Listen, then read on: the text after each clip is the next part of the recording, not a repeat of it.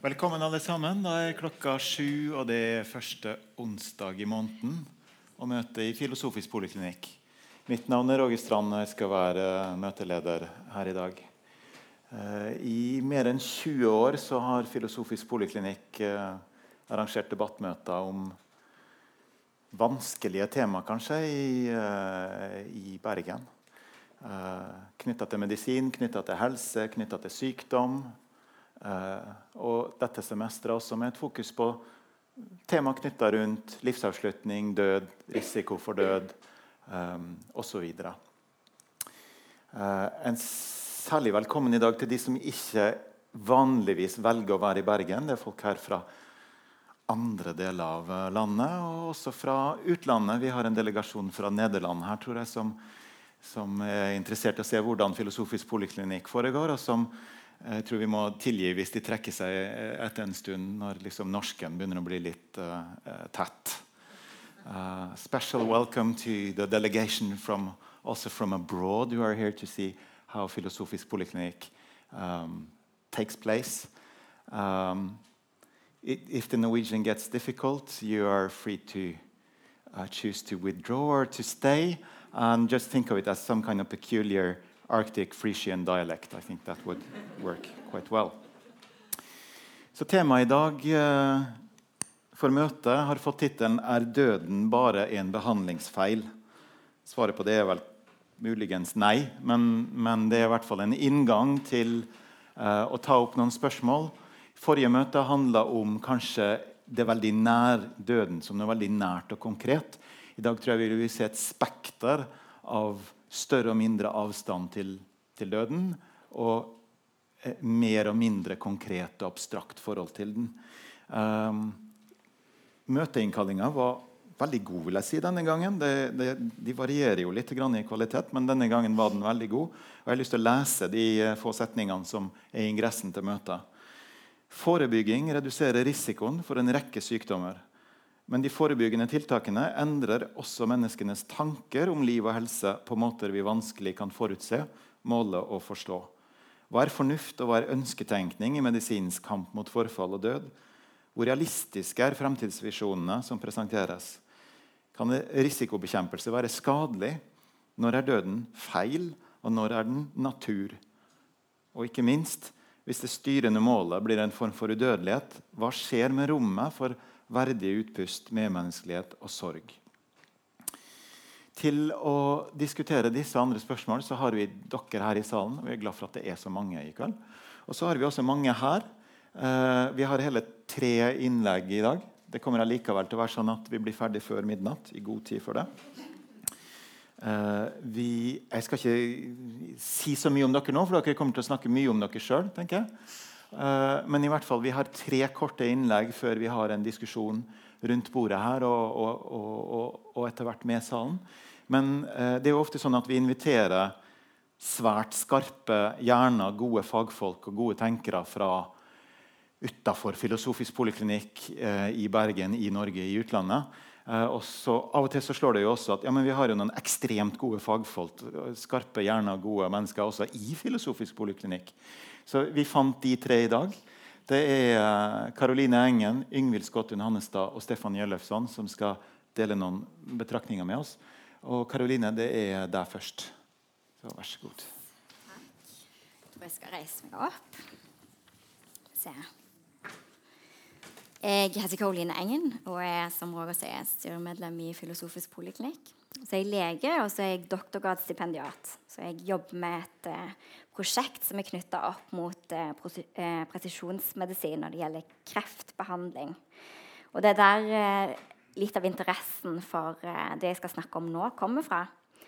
Når du jobber mye med et begrep, så kan du bli litt nysgjerrig på hva det egentlig betyr. Og presisjonsonkologi, eller presisjonskreftmedisin, er bare en del av et begrep som er mye større, eh, som handler om, om, presisjonsmedisin.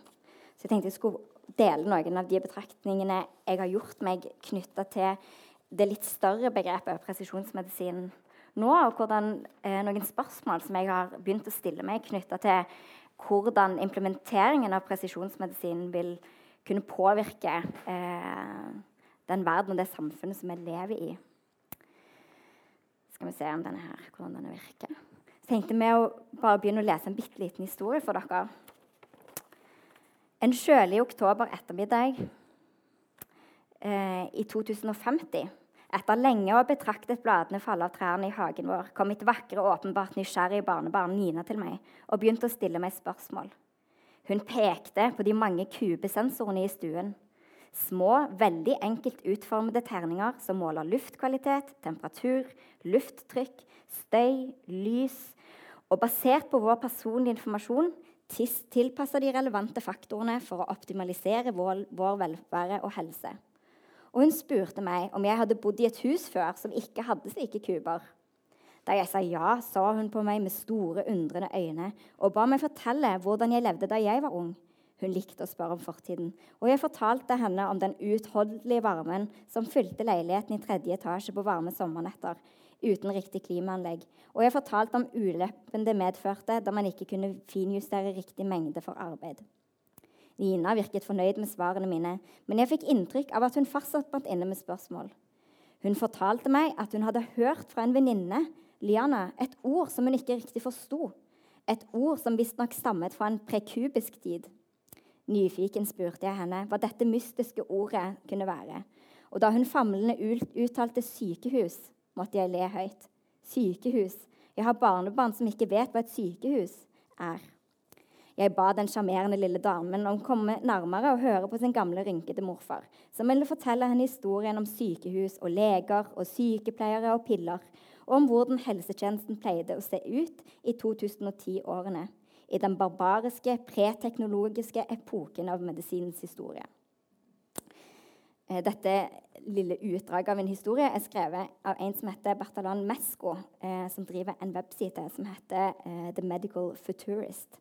Og han eh, er en av Amazons topp 100 forfattere. Og han er genforsker. Eh, og han jobber som eh, rådgiver for policymakers i USA når det gjelder eh, planleggingen og eh, ideen om hvordan en skal bygge opp en ny framtid når det gjelder helsevesen. Det historien kanskje gir et lite innblikk av, er eh, en, en, ekspansjon som har skjedd av medisin som fagfelt. Så avgrensingene av medisin som disiplin og som praksis har endra seg utrolig mye de siste 100 årene. Fra at medisin var et fag som ble utøvd i stor grad mellom lege og enkeltmennesker, så har medisin i økende grad blitt institusjonalisert. Det har blitt en del av et politisk spill. Det har blitt tettere og tettere sammenvevd med økonomi og kultur. Dette er det selvfølgelig mange gode grunner til. Eh, ekspansjonen eh, av medisin som fag er fundamentert i reelle framskritt.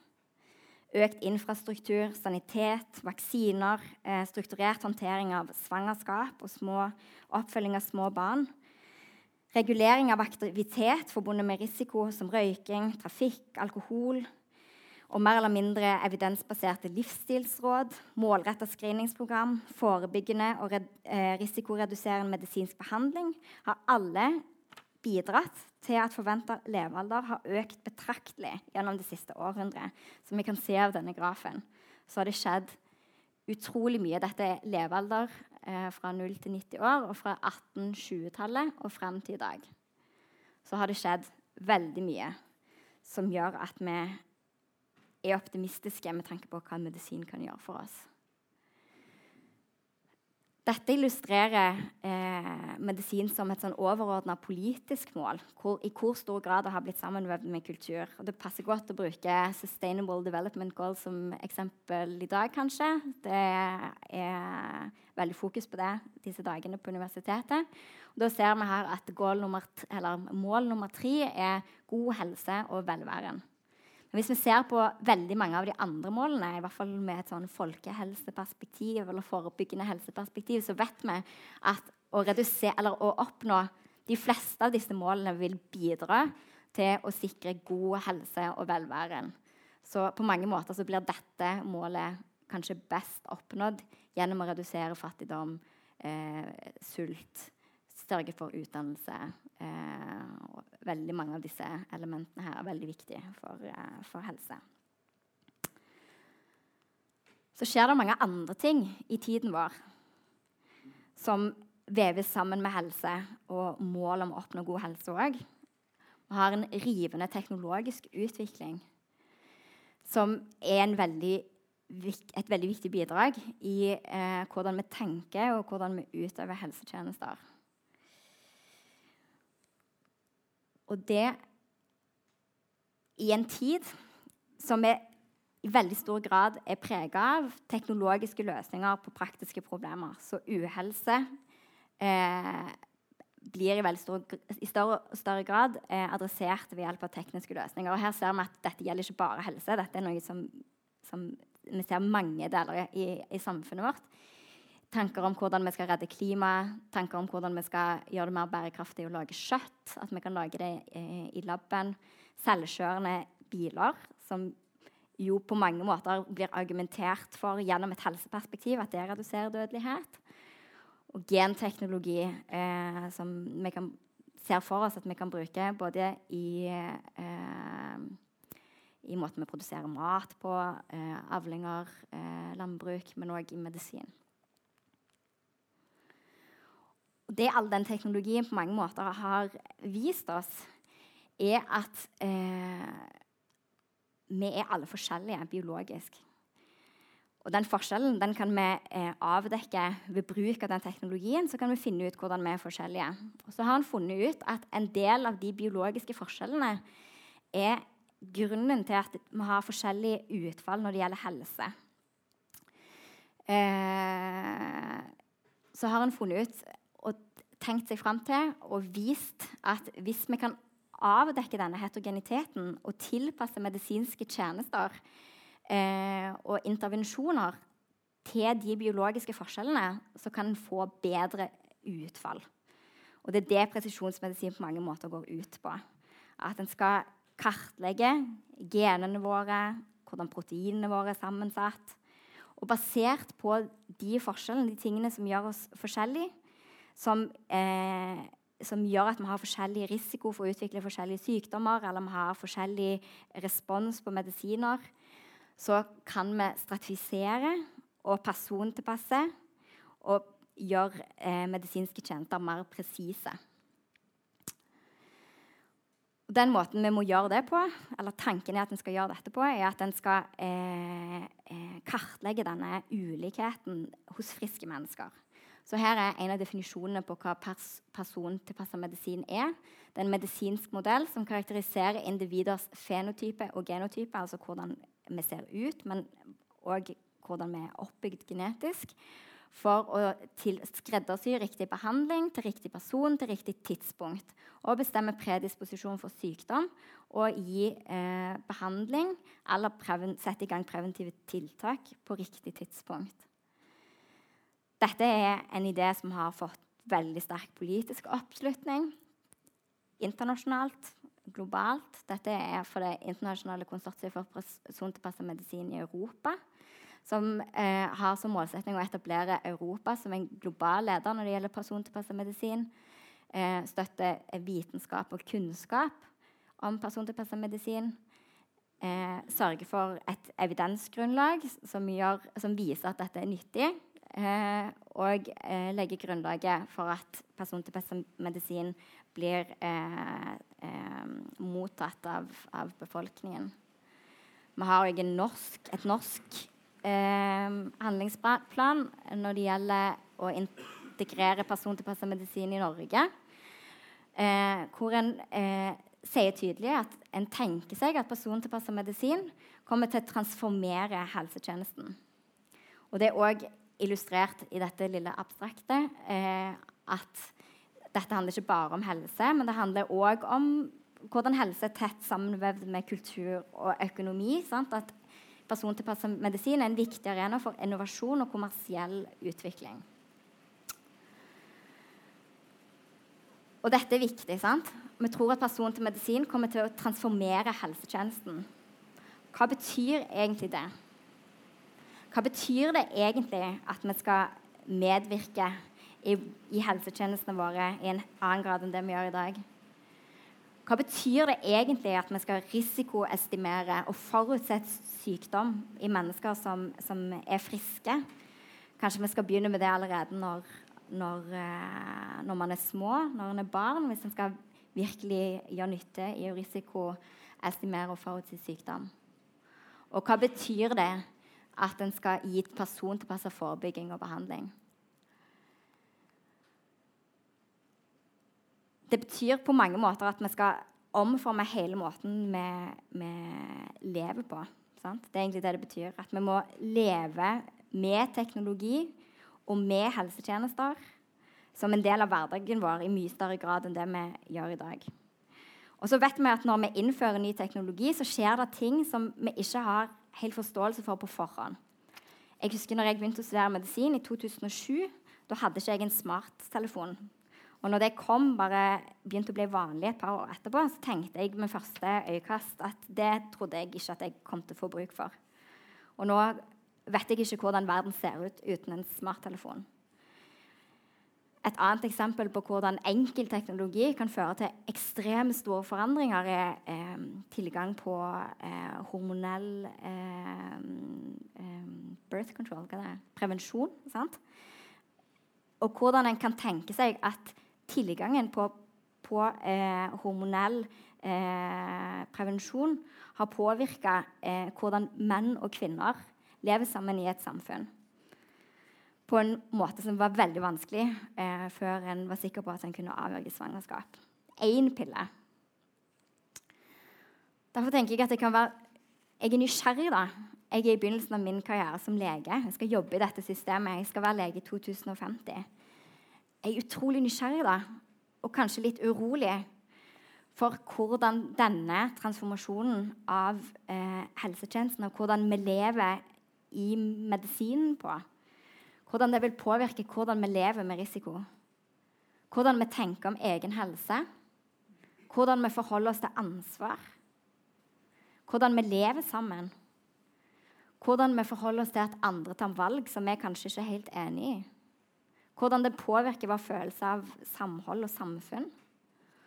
Og hvordan det kan påvirke sosiale ulikheter. En kan se for seg at denne måten å leve med teknologi på kan gi opphav til nye former for identitet, på samme måte som smarttelefoner har gjort det. Vi vil få muligheter som, som vi nesten ikke kan forestille oss teknologi som vi skal håndtere som samfunn.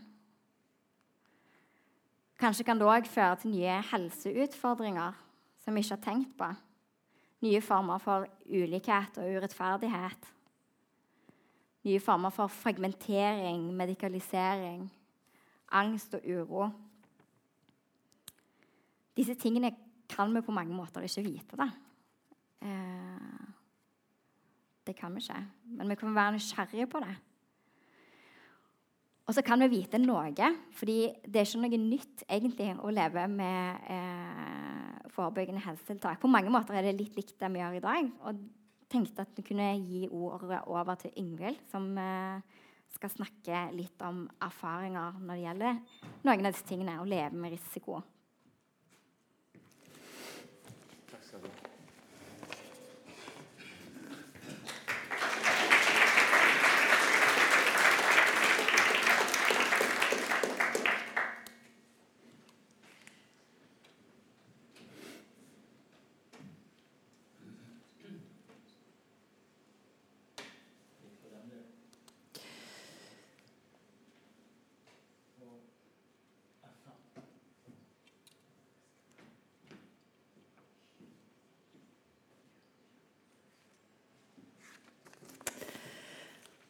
Ja, da er det min tur. Takk, Karoline. Ingvild Skåten Hannestad heter jeg. Jeg har vært i styret i Filosofisk politikk siden 2001 eller 2002. Jeg er gynekolog. Jobber i avtalepraksis i Bergen sentrum. Og forholder meg ganske mye til screening. Ca. 10 av det jeg holder på med for tiden i min praksis, handler om Og kanskje litt mer, egentlig òg. Eh, handler om å forholde meg til livmorhalsprogrammet, som sikkert en del av dere kjenner til. Men jeg tar det som en selvfølge at mange ikke kjenner så mye til dette, her, så jeg kommer til å komme med en del faktaopplysninger om hva dette her går ut på, for at vi skal kunne diskutere det som et case.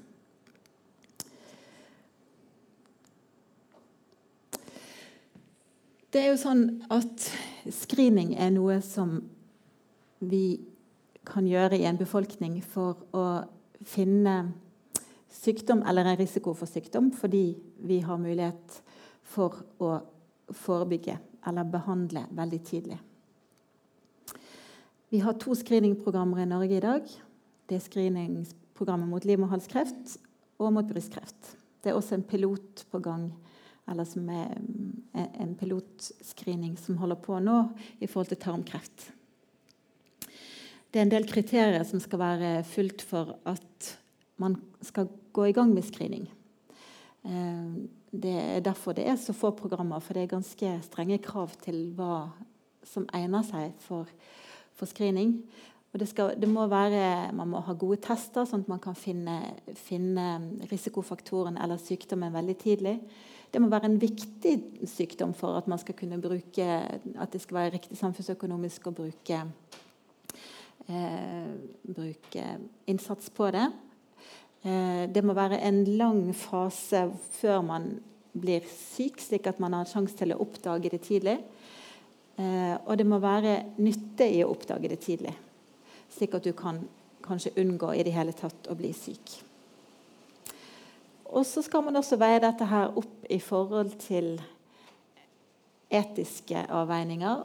Ubehag for de som blir utsatt for dette. her. Det skal være en behandling som er god, og utredningen skal ikke være altfor problematisk. Når det gjelder livmorhalsprogrammet, så virvler det opp ganske mange ting. Det er mye ord og uttrykk. Og det som gjør at jeg har valgt å snakke om det i dag, er at jeg møter så veldig mange som blir så veldig urolige for dette her. Celleforandringer er jo det begrepet som man, man kjenner, men mange vet ikke helt hva det er for noen ting. Hva er noen celleforandringer? Og så har vi HPV, altså humant papillomavirus, som blander seg inn i dette her. Man vet at det kan handle om kreft og tidlig død. Og for sikkerhets skyld så er det litt sex iblandet i dette her òg. Og det gjør det litt ekstra problematisk på et vis. Celleforandringer er det ganske mange kvinner som opplever å ha i, i løpet av livet. Og heldigvis er det veldig sjelden at det faktisk utvikler seg til å bli noe så alvorlig som livmorhalskreft. Det er ca. 300 kvinner eh, som får livmorhalskreft i Norge per år. Så det betyr at eh, det er mange andre kreftformer som har et mye større volum. Men det er en del relativt unge kvinner som får det. Eh, sånn at det er mange leveår å spare på å redusere antallet som får livmorhalskreft. Celleforandringer er et begrep som man bruker om forandringer i cellene som kan være forstadier til kreft. Men det kan også være noe mer uspesifikt som kan handle om betennelse og irritasjon. Til og med en banal soppinfeksjon kan vise seg på en celleprøve som en lett celleforandring. Så dette rommer veldig mye.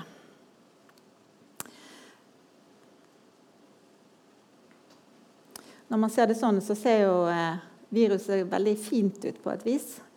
Det er jo ikke så fint, dette her viruset. Det vil si det er jo veldig mange virus. um, Så de forskjellige papillomavirusene de finnes i kreftvev i forskjellige steder i kroppen. Men det er kun eh, kreft i livmorhalsen som man kan forebygge. Og det er kun i livmorhalsen man tester for HPV-virus. Det smitter seksuelt. Det er her det med sexen kommer inn. Så egentlig så er dette den vanligste kjønnssykdommen vi har. Men er folk er ikke vant med å tenke om det på den måten, så mange blir litt forskrekket over det. Og det gir en ekstra dimensjon til ting for de som får celleforandringer, når de får høre at det er grunn en kjønnssykdom. Veldig mange av oss vil være borti HPV-virus en eller flere ganger i løpet av livet. Og De fleste infeksjoner de går over sånn som en forkjølelse gjør.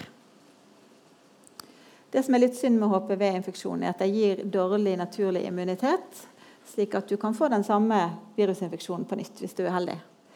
Men nå har vi fått vaksine som gir en god beskyttelse.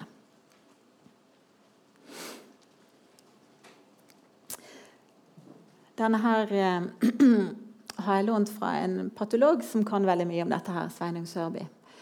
Um, og dette er et ganske fint bilde som sier litt om hvordan dette her kan foregå. Den blå linjen her det er HPV-infeksjoner. Og det er forekomsten av det. Her er alder. Og da er det sånn at man får HPV-infeksjon når man begynner å bli seksuelt aktiv. Det er jo ganske naturlig. Så mellom 15 og 25 år da er det veldig mange som har HPV-infeksjon. Det betyr at Hvis du tester 20-åringer, så vil veldig mange ha HPV-infeksjon. Og Har du HPV-infeksjon, så har du i praksis lette celleforandringer. Så Det betyr at det egentlig er veldig dumt å teste folk der. Fordi den infeksjonen går vanligvis over av seg selv. Så livmorhalsprogrammet begynner fra 25 år. Da begynner man å teste på celleforandringer. Litt seinere enn det begynner man å teste på HPV-virus. Jeg skal ikke gå så mye inn i alle detaljene på det der. Men det som er viktig å vite, er at hvis du har en infeksjon her, og du ikke blir frisk av den, så kan du utvikle forstadier til livmorhalskreft, celleforandringer. Og etter ganske lang tid så kan det bli livmorhalskreft. Så det betyr at dette her er snakk om forebygging av noe som vanligvis skjer etter lang tid.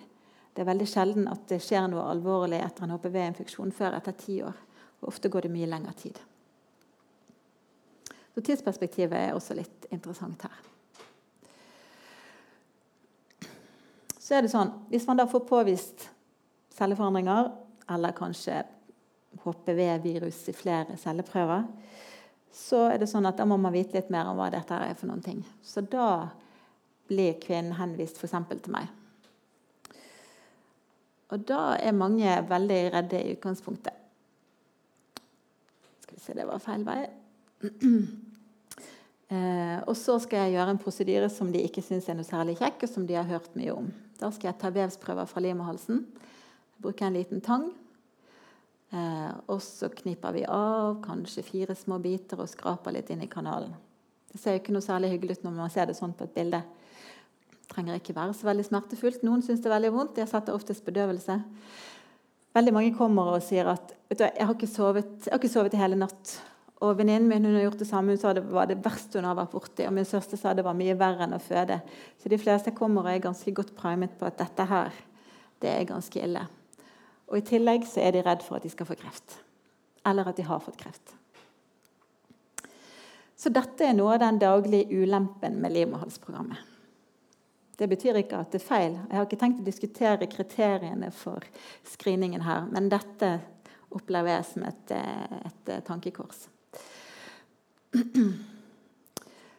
Hos de som får påvist alvorlige celleforandringer, så skal man behandle det. Da gjør man en eh, konisering. Det betyr at man tar bort en konus. Ikke helt en kon, dette her, da, men man tar bort en skive, bit ytterst av livmorhalsen. Prøver man å få med seg alt man kan se i mikroskopet av celleforandringer. Dette gjøres vanligvis i lokalbedøvelse, noen ganger i narkose. Etter en sånn eh, behandling så er de fleste kvitt både celleforandringene og viruset. Så hva innebærer egentlig dette her? Hvor, hvor, farlig er det å få celleforandringer? Hvis du har fått påvist lette celleforandringer i sånne vevsprøver, som jeg nettopp viste, så er det bare um, det er såpass mange som får det, at det er bare 1% som ville fått livmorhalskreft hvis man ikke gjorde noen Og de, og de gjør man ikke noen ting med, men man, de følger man til de ikke har noen celleforandringer lenger. Disse to gruppene her, de blir behandlet for livmorhalskreft. Eh, men de fleste av de ville ikke fått det. Unnskyld, de blir ikke behandlet for livmorhalskreft, de blir, handlet, blir behandlet med kondisering for disse celleforandringene. Det er faktisk gjort en studie som var jo veldig uetisk, men vi forholder oss til resultatene fra studien. Det var en um, gynekolog i New Zealand tror jeg, som lot være å behandle alvorlige celleforandringer og så hva som skjedde. Og En tredjedel av kvinnene med alvorlige celleforandringer fikk kreft, og to tredjedeler fikk ikke. Så det betyr at vi overbehandler jo. Vi vet ennå ikke nok om hvem det er som får kreft, og hvem som ikke får. Så det betyr at lette celleforandringer er ikke så veldig farlig, men vi skal passe på folk. alvorlige celleforandringer kan gi kreft, men hos mindretallet. Hvis jeg tenker på en livstidsrisiko, da, så er det sånn at eh, ifølge de tallene vi har i Norge, så vil en tredjedel av alle kvinner ha en unormal celleprøve i løpet av livet. En tiendedel får påvist behandlingskrevende celleforandringer og får gjort en konisering. En av hundre får påvist eh, livmorhalskreft. Og en av 500 dør av livmorhalskreft. Dette er tall fra Kreftregisteret. Så har vi den der eh, igjen. Hva var det jeg skulle si her, da? Sånn er det når man ikke har notater. Jeg husker ikke hva jeg skulle med det bildet. Poenget er i hvert fall at eh, ting tar lang tid, og det er de færreste som er her og har en infeksjon eller celleforandringer, som ender opp og kommer på den røde linjen med livmorhalskreft. Så hva, hva, er problemet, da? Er det, er det noe problem her? det er jo veldig godt når vi har noe som vi kan bruke for å forebygge alvorlig sykdom. Det syns jeg er at Vi har sånne gode fremskritt i medisin, og det skal vi være veldig glad for. Men så er det ikke sånn at det alltid bare er et gode. Um, hvis jeg går på, ned på liksom det nivået hvor jeg er på det daglige i praksisen min, så blir jeg litt overveldet noen ganger over hvor mye turbulens dette her skaper. Hvor mye angst som blir generert. Mange tenker nok at eh, en screeningprøve det er et gode. Og så plutselig så er det blitt en bekymring. Og det er de fleste nokså uforberedt på. De kommer inn og er friske, de er pliktoppfyllende. For de har fått påminnelse fra Kreftregisteret. Det er ganske sånn eh, god eh, oppfølging på det. De fleste kvinner får eh, har fått meldinger fordi de har glemt å ta celleprøve i tide. Da kommer det en SMS fra Kreftregisteret. Um, og så er man uforberedt på at det, noe kan skje. Så får man påvist en eh, celleforandring og celleprøven hos fastlegen. og Så skal man henvises til gynekolog, og så er det kanskje et ventetid på timen. og Så tar man en prøve hos gynekolog, og så er det ventetid på prøvesvaret. Og så er det kanskje ventetid på behandling. Og alt dette her eh, genererer mye, mye bekymring. Og så er det også en del ubehag knyttet til eh, de prosedyrene som jeg viste dere. Det er jo sånn at veldig Mange syns i det hele tatt bare det å gå og ta den celleprøven gå og gjøre en gynekologisk undersøkelse er ubehagelig. Og da blir liksom de neste trinnene ekstra tøffe. Og så er det jo interessant i forhold til hvor redde folk blir. Um, hva slags forståelse har vi vanligvis av en, en eh, risiko? Uh, vi har tall som vi kan presentere til, til uh, pasientene. Men det er ganske ofte sånn at det er vanskelig for de fleste å forholde seg til det. Det blir veldig, det blir veldig emosjonelt, og dette blir jo forsterket av mediefokuset. Sant? Vi har hatt noen dødsfall de siste årene av livmorhalskreft. Eh, TSD-en er det veldig mange som har lest om. Og nokså nylig Vera Michaelsen, som mange har vokst opp med som programleder i barne-TV, sånn, som døde vel 43 år gammel av livmorhalskreft. Og Sånne ting er jo forferdelig å lese om, og det går, og det går inn på oss. Og da er det liksom det som, det, det som trer inn.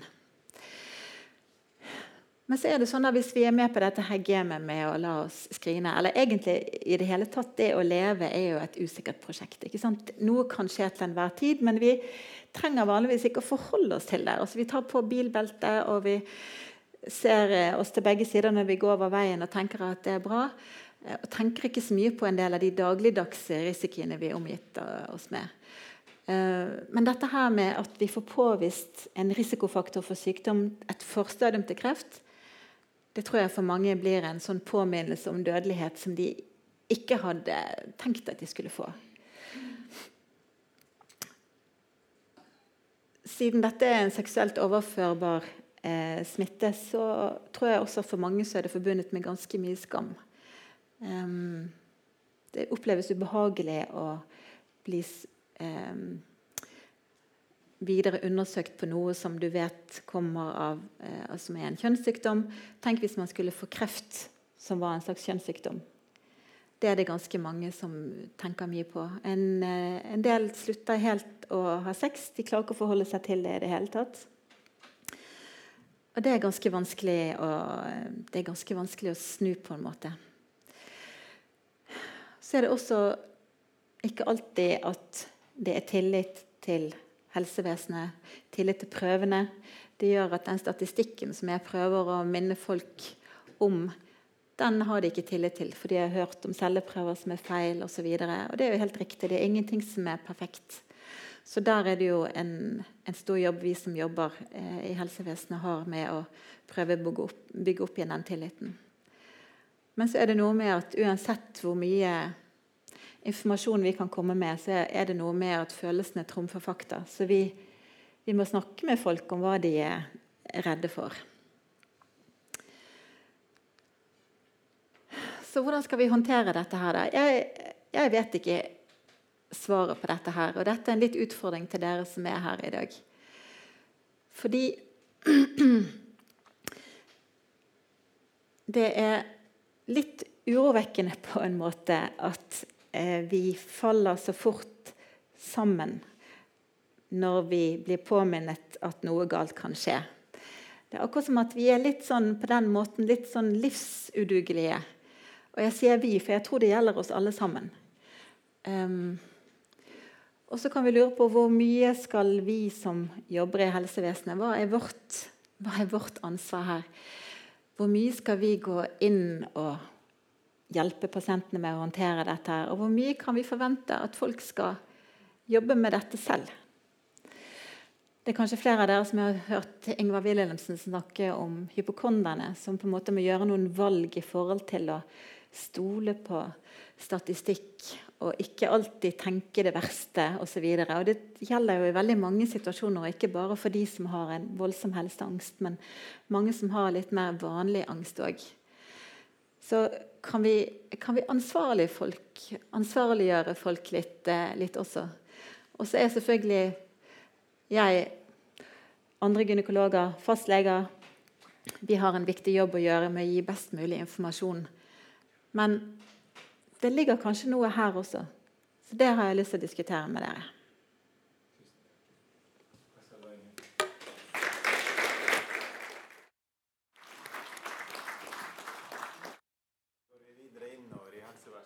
Til eh, fastlegekontoret med Stefan. God kveld. Ja, jeg skal fortelle tre historier fra fastlegekontoret. Stefan Kjøllefsson um, um, jobber bl.a. som fastlege. Har vært fastlege i Bergen i, i mange år. Og, og, vil si som en introduksjon til historien jeg forteller at, at, jeg er glad i jobben min, jeg er glad i pasientene. Og som lege kanskje ofte så er jeg glad i sykdom.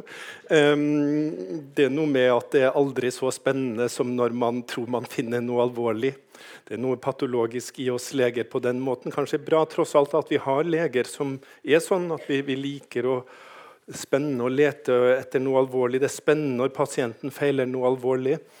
Um, jeg vil bare nevne det før jeg går inn på de historiene jeg skal fortelle, hvor det nemlig ikke er så mye alvorlig. Hvor det ikke feiler, I mine tre historier så feiler det ikke pasienten noe alvorlig. Men at dere vet at jeg er likevel en sånn lege som liker, uh, liker det når det er alvorlig og går galt. Ja, ikke når det går galt, da. Det er ikke det. men ja, jeg skal fortelle tre historier som er helt sanne og helt anonyme. Ehm, jeg samler på historier. Jeg husker pasienter for 20 år siden. Jeg diskuterer med kollegaer. Jeg legger til og trekker fra. Og ingen pasienter røpes i kveld. Men dette er allikevel ordentlig sant. Det er sånn det er på fastlegekontorene. Jeg har jobbet i Nord-Norge, jeg har jobbet i Valdres, jeg har jobbet flere steder i Bergen. Eh, og så er det det jeg henter fra andre kollegaer. Um, hun første, kan, Jeg har jobbet i Østre Slidre, og jeg kjenner kollegaer i Vestre Slidre. Eh, la oss si at hun Svanhild her er der. Hun er selvfølgelig ikke det, men la oss si det. For å plassere henne en plass. Svanhild hun er 40 år gammel hjelpepleier. Vært plaga av hodepine de siste åtte årene. Fastlege Vibeke kjenner Svanhild temmelig godt. Ja, Kjenner henne godt, i hvert fall sånn fulgte henne i de to svangerskapene. Og dessuten så er det jo alltid Svanhild som kommer med ungene til legekontoret når det er noe som feiler dem. Så pasient Svanhild og fastlege Vibeke de treffes jevnlig. Og Vibeke har lytta nøye når Svanhild har fortalt henne om denne hodepinen som hun har vært plaga med i åtte år. Vibeke har gjort grundig nevrologisk undersøkelse uten å finne noe galt. Hun har merket seg at i de periodene når Svanhild forteller, eller når hun klager mest over hodepinen, så tar hun også opp de vanskelige forholdene på sykehjemmet der hun jobber. Pluss at det er helt tydelig at uh, Svanhild får mer hodepine i de periodene sønnen hennes har mye astma og hoster om natten. Ikke så rart det, man kan jo få hodepine av for lite søvn. Men så er det situasjonen når da Svanhild kommer eh, på legekontoret for å be om en tre dagers sykemelding pga. hodepinen. Og akkurat den dagen er ikke fastlege Vibeke på kontoret. Så Svanhild kommer til hos turnuslegen. Og Turnuslegen ønsker å gjøre en grundig jobb. Turnuslegen er redd for å overse ting. kommer redselen inn. Turnuslegen vil ikke overse, så i tillegg til å skrive sykemelding så bestiller turnuslegen MR-undersøkelse av hodet til Svanhild. MR av hodet blir tatt tre uker senere, og de viser heldigvis ingen hjernesvulst. Nettopp, sier turnuslegen da til seg selv. Så bra at vi fikk utelukka hjernesvulst. Bra. Men det bildene derimot viser, er en bitte liten utposning på en pulsåre. 5 millimeter. Det er nesten ingenting. Likevel, en utposning er en aneurysme. Da er det fastlege Vibeke sin jobb å forklare for Svanhilde at det egentlig var unødvendig å ta MR-bilder, og at hun ikke skal bry seg om utposningen. Garantert ikke årsaken til hodepinen. Og den er så liten at den heller ikke er farlig. Og uansett, Hjernekirurgene vil ikke operere vekk utposninger som er så små som 5 mm. Tror dere Svanhild blir beroliget? Snart begynner hun å sove dårligere om natten av dette. Hun er redd for den tikkende bomben i hodet på henne. Svanhild kan jo ikke tenke seg å dø fra barna. Hun husker pasienten på sykehjemmet som hadde en utposning på pulsåren i magen, og han døde jo. Og Det hjelper ikke at Vibeke forklarer at utposningene som folk får i magen, er annerledes, og at de vanligvis er 5 eller 10 centimeter før de sprekker. Svanhild er fortsatt redd. Og jeg skal si dere og dette er helt sant, at Et halvt år etter at MR-bildene ble tatt, så er Svanhild langtidssykemeldt. og Hun har fått helseangst. og Hun syns verken fastlegen eller nevrologen som fastlegen henviste henne til, har tatt henne ordentlig på alvor. Og Den eneste løsningen Svanhild nå kan se, er å ta familien med og flytte til Oslo. De må bo i nærheten av Rikshospitalet, helt i nærheten av sykehuset. Slik at nevrokirurgene i det minste kan operere henne med en gang når bomben i hodet hennes eksploderer. Hun føler seg faktisk ganske sikker på at bomben kommer til å eksplodere. Og Der forlater vi, forlater vi Vibeke. og Neste pasient er Emma, som nå er 14 år. og Hun er egentlig ganske frisk. Ja, Det er en litt mer oppløftende historie, forresten. dette. Vibeke er jo, er jo trist, da. Svanhild sier eh, Emma, det går bra med henne, kan jeg si dere. Men hun er på barneklinikken minst to ganger i året. Og Foreldrene hennes bekymrer seg ganske mye for helsen hennes, og de har lav terskel for å ta henne til fastlegen. Og Det hele begynte nemlig hos fastlegen. Det begynte da Emma var noen uker gammel. Hun var en sånn kolikkunge som skrek og skrek, og skrek både kveld og natt. Og Da hun var seks uker gammel, så tok foreldrene henne med til, til fastlegen. Og Fastlegen fikk en ganske sterk fornemmelse av at dette var en sånn helt vanlig spedbarnskolikk, og at det kom til å gå over. Ringte ingen alarmklokker hos fastlegen. Og så allikevel er man ikke helt trygg. Er man litt redd. Og så bestiller jeg blodprøver. Og så er et par av blodprøvene lett forhøya. Prøver som har med leveren å gjøre, ASAT og ALAT for de som skjønner de forkortelsene. Så Fastlegen henviser da til slutt Emma til barneklinikken pga. dette med, med blodprøvene. Kolikken er helt typisk. Emma legger på seg, hun pludrer på dagtid. Hun sjarmerer tanter og onkler og besteforeldre, men sliter ut foreldrene med å skrike natt og kveld. Um, så forhøyede blodprøver og mye skriking. Emma blir henvist, og når hun er ti uker gammel, så kommer hun til på barneklinikken.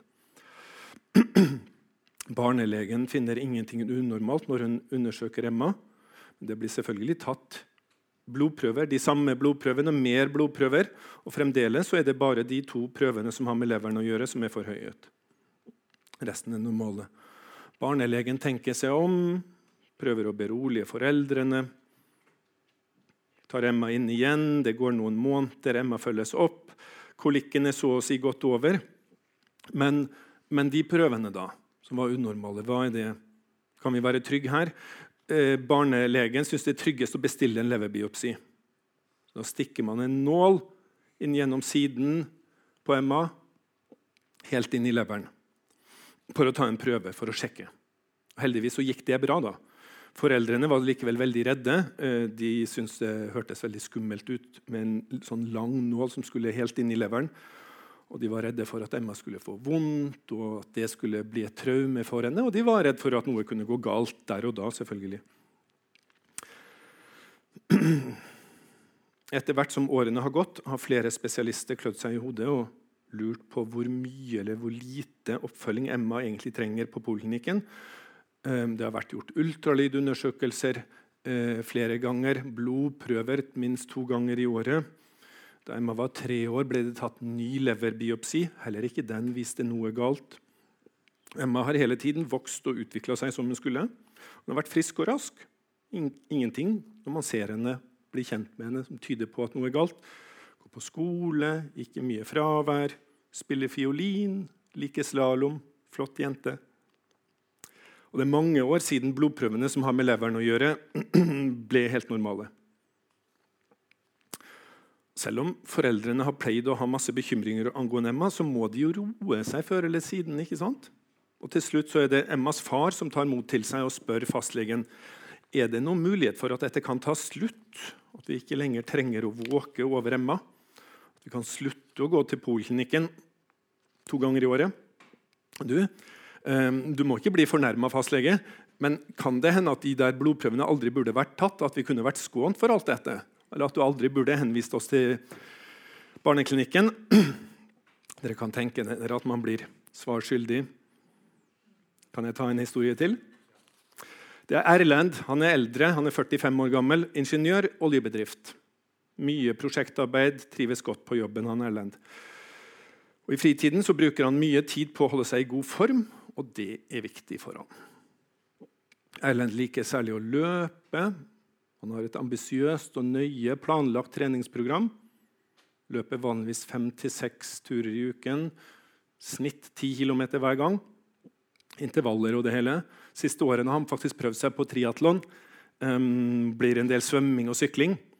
For å si det rett ut så er Erlend ganske fornøyd med at han har satsa så mye på å holde seg i form og ta vare på helsen også. Så hører det jo med til historien at Erlend også er gift og har en datter.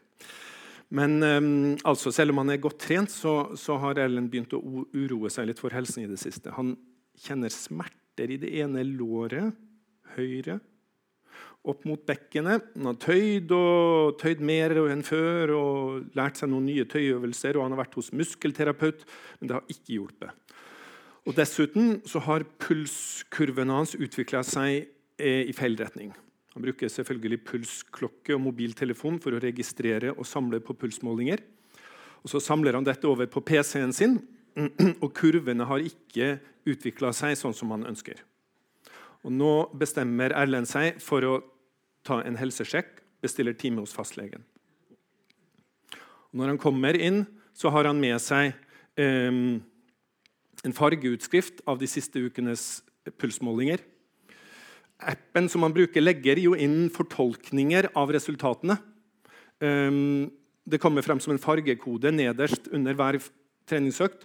Så oransje indikerer en treningsøkt som, som ikke er optimal, og rødt signaliserer patologi.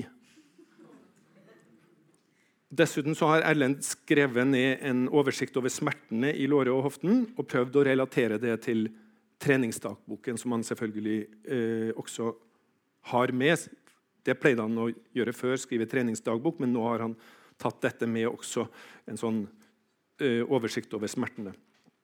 Bekymra, sier han eh, til fastlegen. Se her. Og så legger han alle papirene på bordet foran fastlegen. Og nå spoler jeg litt framover. Jeg kan oppsummere og si at det er ikke helt enkelt for en fastlege å tolke alle disse kurvene og treningsnotatene. Og, og, jeg kan røpe såpass at det er ikke usannsynlig at en som Erlend blir litt skuffet når, når han legger dette fram for en fastlege. For det, det, er ikke så lett å vite hva man skal gjøre som, som, fastlege. Det er mye man sliter med å, å, å tolke. Um, og så er det det at Erlend er jo egentlig bekymra for to ting. i hvert fall. På den ene siden så går det så trått med treningen at det spøker for at han kan slå rekorden sin i neste triatlon. Og det blir Erlend veldig frustrert over å tenke på. Men det som er minst like ille, det er tanken på, på at smerten i låret og hoften kan være kreft. Det kan jo være noe inni her som får smerten til å stråle ned i, ikke bare i bekkenet, men ned i låret. Erlend har kjent på testiklene uten å finne noe galt, men det kan jo være andre former for kreft. Etter denne konsultasjonen så bestemte Erlend seg for ikke å gå til fastlegen flere ganger. Han fikk ikke mye hjelp. Og han har jo en helseforsikring gjennom jobben. Det må jo være bedre å ta flere undersøkelser enn de som fastlegen gjorde. Det må jo være bedre å komme til en spesialist. Så han, han bestemmer seg for å snakke med forsikringsselskapet og få komme til hos en spesialist. Og Det baller på seg. Ellen får åtte forskjellige undersøkelser på Volvat i løpet av fire uker.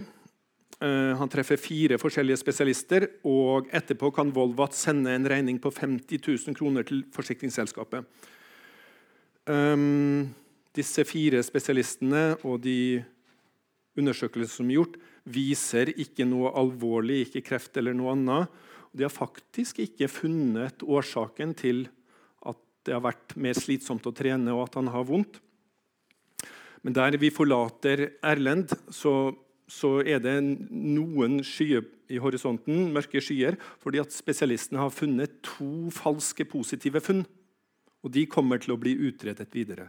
Funn som egentlig ikke indikerer at Erlend er syk, og som ikke har noe med plagen hans å gjøre, men de har funnet de allikevel, falske positive funn, og det kommer til å balle på seg, dessverre. Lykke til, Erlend, sier jeg da. Takk for meg.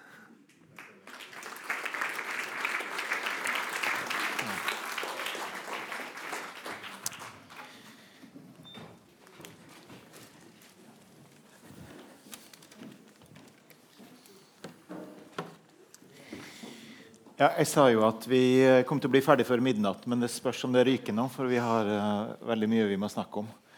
Uh, på annen side så, så blir vi visst kasta ut klokka ni her, så vi, vi får uh, prøve å snakke fort og usammenhengende. Da har vi fått tre pakker med inntrykk her. En, den første fra så å si, et av de stedene hvor framtida skapes og lages, kanskje. Eller én type framtid forsøkes å skapes og lages. Og så fikk vi to pakker med inntrykk fra, fra en nåtid som var framtid for ganske kort tid siden. Uh, men som jeg tror dere på er slik det, slik det oppleves å, å, å, stå der som lege i de to forskjellige settingene som, som uh, dere jobber i.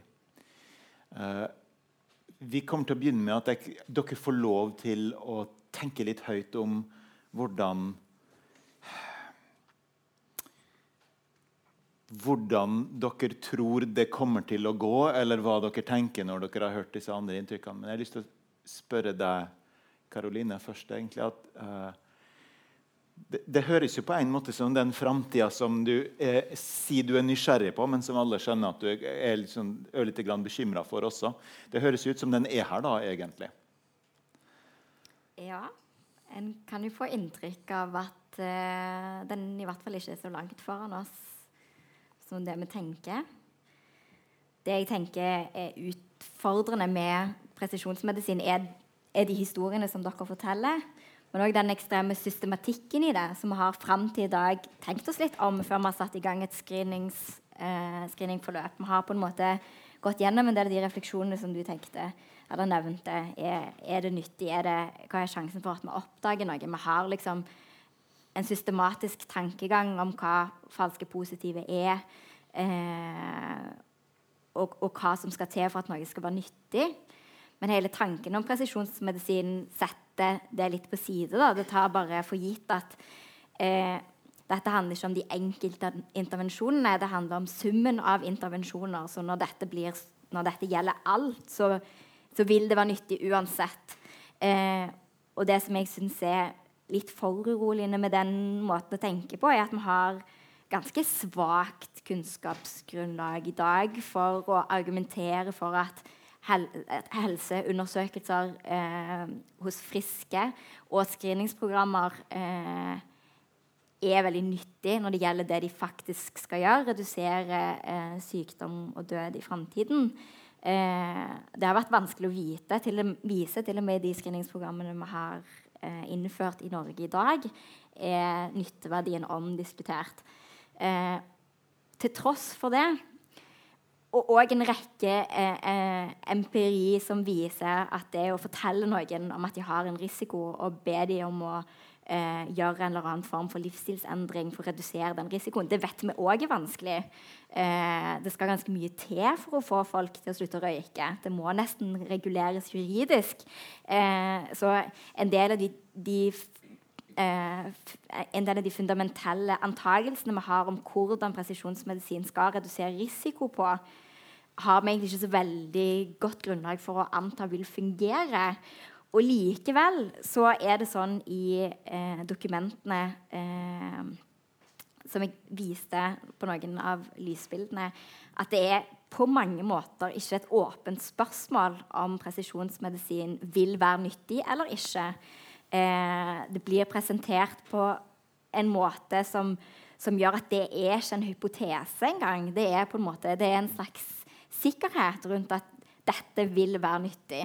Eh, og sånn som i de europeiske dokumentene så, så, virker det som at det handler ikke om å vise om det er nyttig eller ikke, men å skaffe bevisene som viser at det er nyttig. Eh, og, det syns jeg er litt foruroligende med tanke på det datagrunnlaget som, som vi ikke bare har med å liksom oppsøke eh, medisinsk litteratur, men som fagfolk sitter og kjenner på eh, i sin hverdag på en måte hvor, hvor, utrolig krevende det kan være da, eh, eh, å oppnå en del av de eh, resultatene som hele ideen om presisjonsmedisin er tufta på. Mm.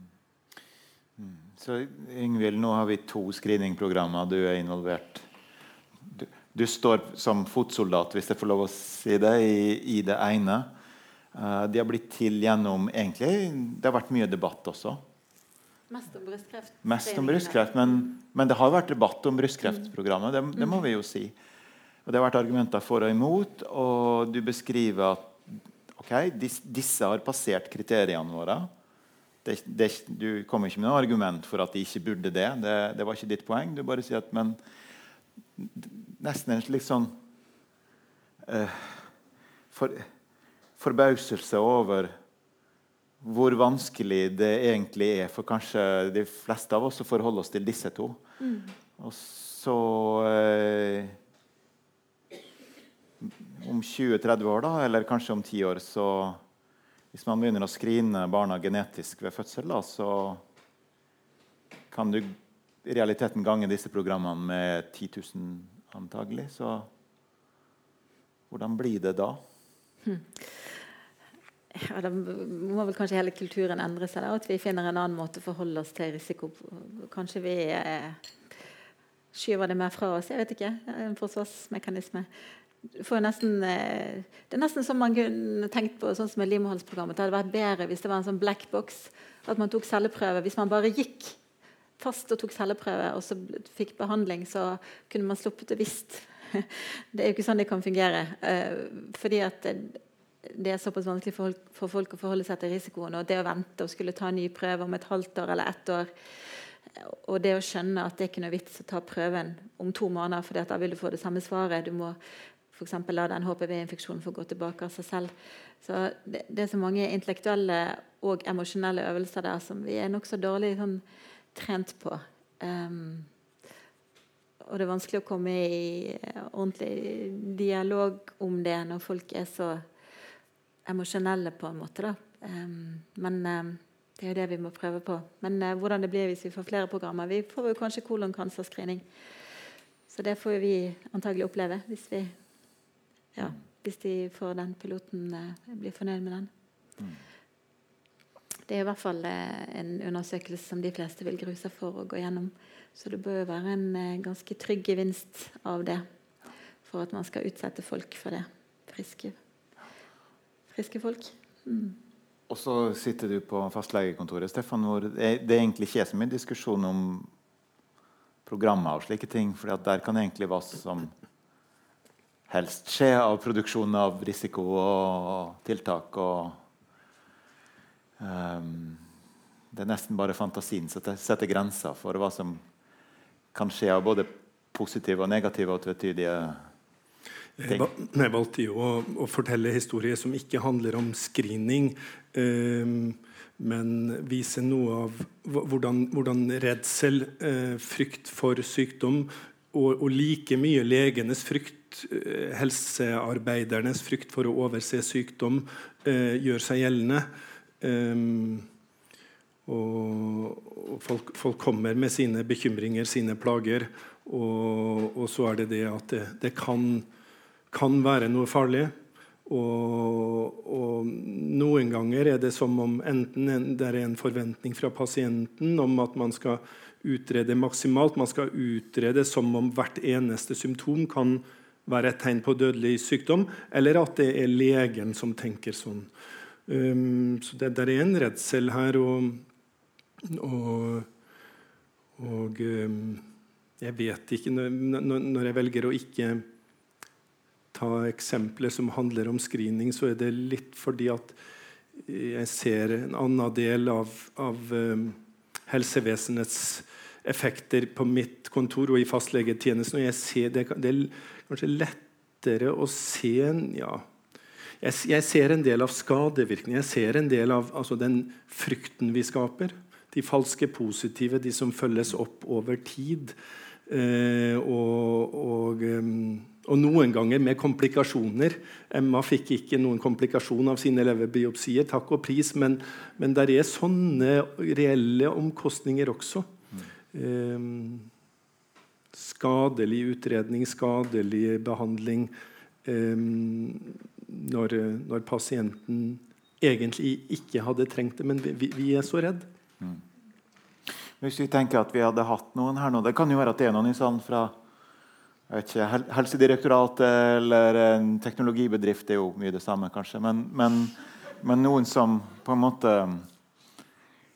mm, tror på disse visjonene, som også Karoline viste oss, da, så ville jeg kanskje kunne si at uh, Men der i 2050 da, så er, er, man jo kanskje kvitt en del av disse helseinstitusjonene. da, og man er kanskje kvitt en del av de falske positive, fordi at sensitiviteten uh, altså Alt er blitt så bra med spesifisitet og sensitivitet på prøver og sånne ting. Og kan det være en Tenker dere at det kanskje kunne være en god framtid? At det blir mindre helsevesen og mer eh, ting hjemme, og så får folk finne ut av dette sjøl gjennom livslang monitorering? Dere får en sjanse til å svare på det, eventuelt ved å svare på noe annet, før jeg åpner opp for salen her en av de tingene som jeg syns er veldig interessant med den øvelsen, det er å risikoestimere, er at eh, risikoen aldri vil være null. Så hvis en skulle se for seg at en skulle lage en form for distribusjon over risiko for hva en vil dø av, så kunne en f.eks. se for seg at en, en sier at eh, en har et menneske foran seg, en har gjort en eller annen form for undersøkelse, f.eks. sett på DNA og sammenholdt det med informasjon en har om fortiden, og så si at du har 30 risiko for å dø av eh, eh, brystkreft, og så har du 30 risiko for å dø av hjerte-karsykdom, og så har du 30 risiko for å dø av en nevrodegenerativ sykdom, som er liksom litt sånn som det ser ut selv uten en test. Og så kunne en se for seg at en eh, Eller ikke bare se for seg, men en vet at hvis en får den type informasjon, så vil en jo gjøre et eller annet for å redusere risiko. Det er jo på en måte litt av poe hele poenget, hele grunnlaget, er jo at den type informasjon skal gjøre folk i større stand til å eh, redusere risiko. Så da kunne en jo se for seg at en kunne ønske å fjerne brystene. Og hvis en fjerner brystene, så vil en jo da øke risikoen for å dø av hjerte-karsykdom til 50% og så vil en øke risikoen for å dø av nevrodegenerative sykdommer til 50% og så kunne en si at Men du kan ikke eh, velge hva du skal dø av? Nei, men poenget mitt, poenget mitt er at eh, hvis en eh, risikoestimerer Og poenget er at den risikoestimeringen skal gjøre noe med en persons atferd, så vil ikke den prediksjonen være gyldig lenger. Da vil en åpne opp en helt ny distribusjon av risikoer Men, som en ikke har noe kunnskap men om. risikoen for at vi dør, er jo uansett 100% Det er det som er poenget. Ja, det er det som er poenget. Så, så en vil på en måte en, en kan jo teoretisk se for seg at en kan med veldig presis informasjon endre litt på eh, eh, eh, på hvor store de kategoriene er. Men spørsmålet er liksom hvor nyttig er det egentlig?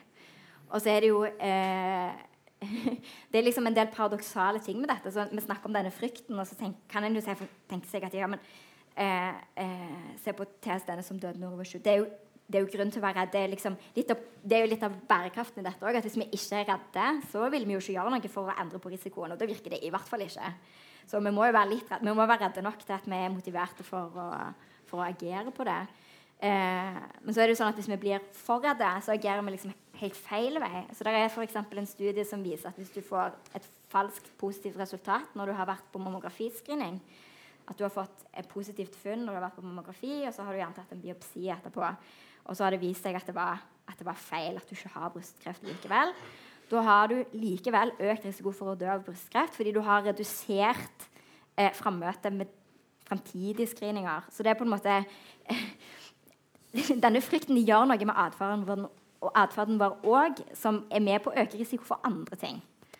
Eh, ja.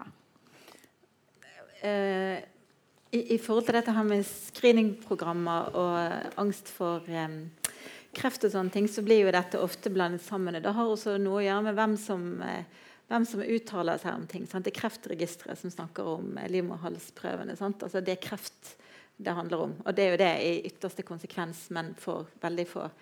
Eh, og så har du jo Gynkreftforeningen, som gjør en viktig jobb for kreftpasienter, men som også har kampanjer som heter altså, eh, Vi har hatt Sjekk deg-kampanjen, som gjelder eh, livmorhalsprogrammet, eh, hvor poenget er at folk skal gå og ta eh, celleprøve.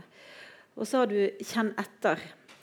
Og vi tre satt sammen en, en, kveld og forberedte oss til dette møtet. Og da er det en sånn, eh, en sånn spørsmål du kan svare på i den Kjenn etter-kampanjen. Eh, og da skrev jeg at jeg ikke hadde, jeg hadde ikke diabetes, jeg hadde ikke røyk og ikke noe kreft fra før. jeg bare liksom 0, 0, 0, Og så, så krysset jeg av på at jeg noen ganger hadde smerter i magen, og at jeg var litt oppblåst. Noen ganger var litt oppblåst i magen. Og da får jeg ut fra Gynkreftforeningen eh, at eh, du har symptomer som gjør at du bør oppsøke lege. Akkurat. Eh, det syns jeg var ganske interessant og litt urovekkende. Og, um, og det, dette tenker jeg er godt ment. Uh, og det fins noen kreftformer hvor, som er vanskelig å oppdage, og som kan ha disse symptomene. Men de fleste av oss som har de symptomene, vil ikke ha kreft. Og Da blir det ganske vanskelig å forholde seg til. Det er liksom en slags en screening, da, disse spørsmålene. Eh, og så er det fra Gynkreftforeningen. Um, det tenker jeg også er angstskapende. Og det kunne jeg egentlig tenkt meg å snakket med noen som jobber i Gynkreftforeningen om. fordi jeg er ikke sikker på om det er en god ting å gjøre for folk, rett og slett. Mm. Selv om de ønsker oppmerksomhet rundt alvorlig kreftsykdom hos kvinner. Så jeg er usikker på det er måten å gjøre det på.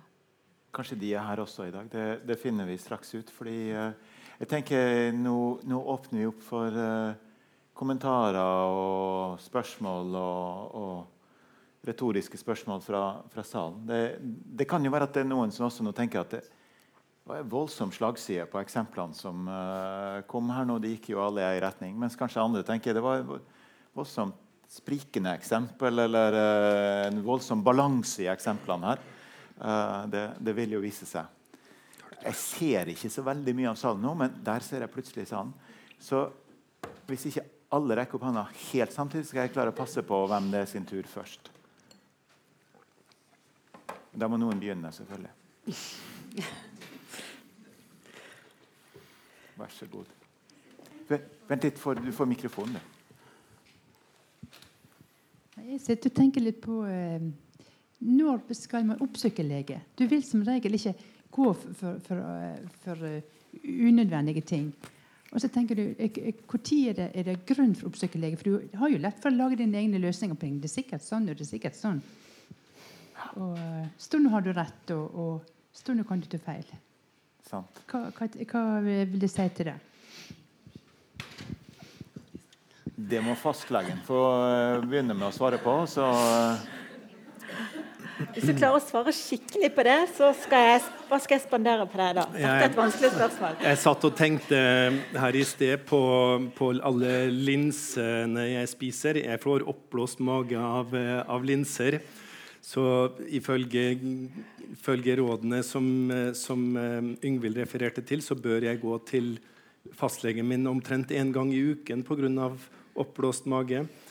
Um, hvis det vi i hvert fall kan si, er at hvis vi, hvis vi stadig senker terskelen, hvis det er stadig flere sånne spørsmål og oppfordringer om hvis, hvis, Har du sånn, har du slik, og da, da bør du oppsøke legen din. Ja, det, da blir det stadig mer å gjøre i helsevesenet. Og dette er jo overhodet ikke svar på det du spør om, men jeg bare påpeker noen konsekvenser. Det blir stadig mer å gjøre. Vi trenger stadig flere helsearbeidere. Og hvis vi senker terskelen, så blir det lenger mellom de som feiler noe alvorlig. Det, når jeg sa i sted at det er gøy med de som feiler noe alvorlig. Sånn jeg tenker at Jobben min er å finne de som feiler noe alvorlig, de som virkelig trenger, trenger behandling. Og, og det er litt komplisert. Hvis du, ser, hvis du, fortynner noe, så blir det lenger mellom disse. Det blir faktisk vanskeligere å finne de få med alvorlig sykdom jo flere som kommer eh, med veldig, veldig små symptomer. Jeg vet at det ikke er svar, men eh, Sel Selv om jeg ikke er fastlege, får jeg lov å prøve å svare litt, jeg òg. Um, jeg, jeg, tenker noen ganger at um, man kanskje kan være litt, litt grann, uh, tålmodig eh, tenker Noen av de henvisningene jeg får, de kommer veldig fort. Så folk har hatt litt, litt vondt i magen til og fra liksom i en måned. Og Så blir de henvist, og så går det to måneder til de får time hos meg. hvis ikke det høres veldig alarmerende ut og fastlegen ikke har funnet noe. Og da har de vært friske i fire uker allerede. egentlig. Eh, så det er noen ganger tenker jeg en tanke. Men det er vanskelig å snakke om dette, her, fordi det er så lett å på en måte eh, bagatellisere, eller at noen skal føle at man gjør narr av at man går til legen. og Det er ikke det som er meningen. Så det er jo ganske viktig å få sagt det. Mm, ehm, men jeg tenker at vi noen ganger kan tørre å vente litt, med mindre det er noe som er kjempevondt og blir mye mye verre, f.eks. når det gjelder smerter og en del sånne ting. Så sitter det jo noen andre leger i salen òg. Det er kanskje noen andre som vil ta utfordringen og svare på det. Det er et godt spørsmål. Ja. Kan jeg, Før jeg gir ordet videre til, til deg, kan, kan jeg spørre dere, Er det en fare for, til alle dere tre også, uh, Da må dere svare, svare litt kort. Uh, er det en fare for at dere tar litt lett på det? Ikke lett på det den betydningen at dere tar lett på å behandle pasientene. Det, det er ikke det jeg mener. Mm. Men um, kan det være at det at dere nettopp ser så mye lidelse Dere er leger, du jobber på eh, en innenfor kreftforskning. Du ser også mye lidelse. Kan det være at dere eh, så si, eh, altså Det der regnestykket med at ja, men det er jo 100% risiko for at vi skal dø. Så, ja, ja, men, men, jeg tror ikke det er derfor man fjerner brystene. sant? Det, det, er for å få et lengre liv. Og om det så er noen måneder lenger eller altså, er, er, det, er, det, er, det, en fare for at, at dere som jobber i sektoren, blir litt biased mot å nesten gjøre det litt ja, eller ta det Jeg vet ikke kyniske, men Definitivt. Uh, man kan bli blasert. Man kan tenke at uh, folk har for lett for å syte. Og samtidig så er det sånn at en nullvisjon om lidelse og fjerne lidelse fra menneskelivet, den, den tror jeg ikke helt på. Eh, så, så, så, det må kanskje en, man må klare å se begge deler. altså At man må ta folks plager på alvor og ikke, ikke tenke dette er bare bæsj. De, de, burde holdt seg hjemme og ikke gått til legen. Men, men på den andre siden en, en, målsetting om å behandle alt og behandle vekk lidelsen fra livet. Det tror jeg heller ikke fører fram. I hvert fall ikke før i 2050. Tidligst da. Ja. Det med, det med, utvanning er jo et poeng, men jeg tror, jeg tror, også det kan bli litt sånn trettbarhet hos helsepersonell ved å forholde seg til folk som er mest redd for sykdom, men ikke er så syke. Eh, og vi må være ganske obs på det. Eh, og det er jo noen som har reist ut og jobbet i land hvor folk kan kommer, har altfor dårlig helsetilbud, og når de først kommer, så er de veldig veldig alvorlig syke og kanskje ikke kan reddes. Og som kan føle at det, det er noen som forteller at det er litt tungt å komme hjem igjen da, og forholde oss til ja. dette her med at det, det stikker litt i, i, lysken noen ganger hvis jeg gjør sånn. At det på en måte det, det perspektivet kan gjøre det litt vanskeligere. Men, men, det er klart det er jo lidelse på et vis å være redd for noe og ha det og ikke ha det bra, som man, vi må forholde oss til. Og dette er kanskje et rom hvor det går an å snakke om disse tingene som ikke er verken politisk korrekt eller og så tror jeg kanskje det finnes grupper også i Norge som går for lite til legen. Men det, vil du smette inn før jeg gir ordet videre her? Jeg vil bare si at Vi går jo til lege av forskjellige årsaker. Altså Noen ganger så, så går vi til legen fordi vi trenger noe her og nå.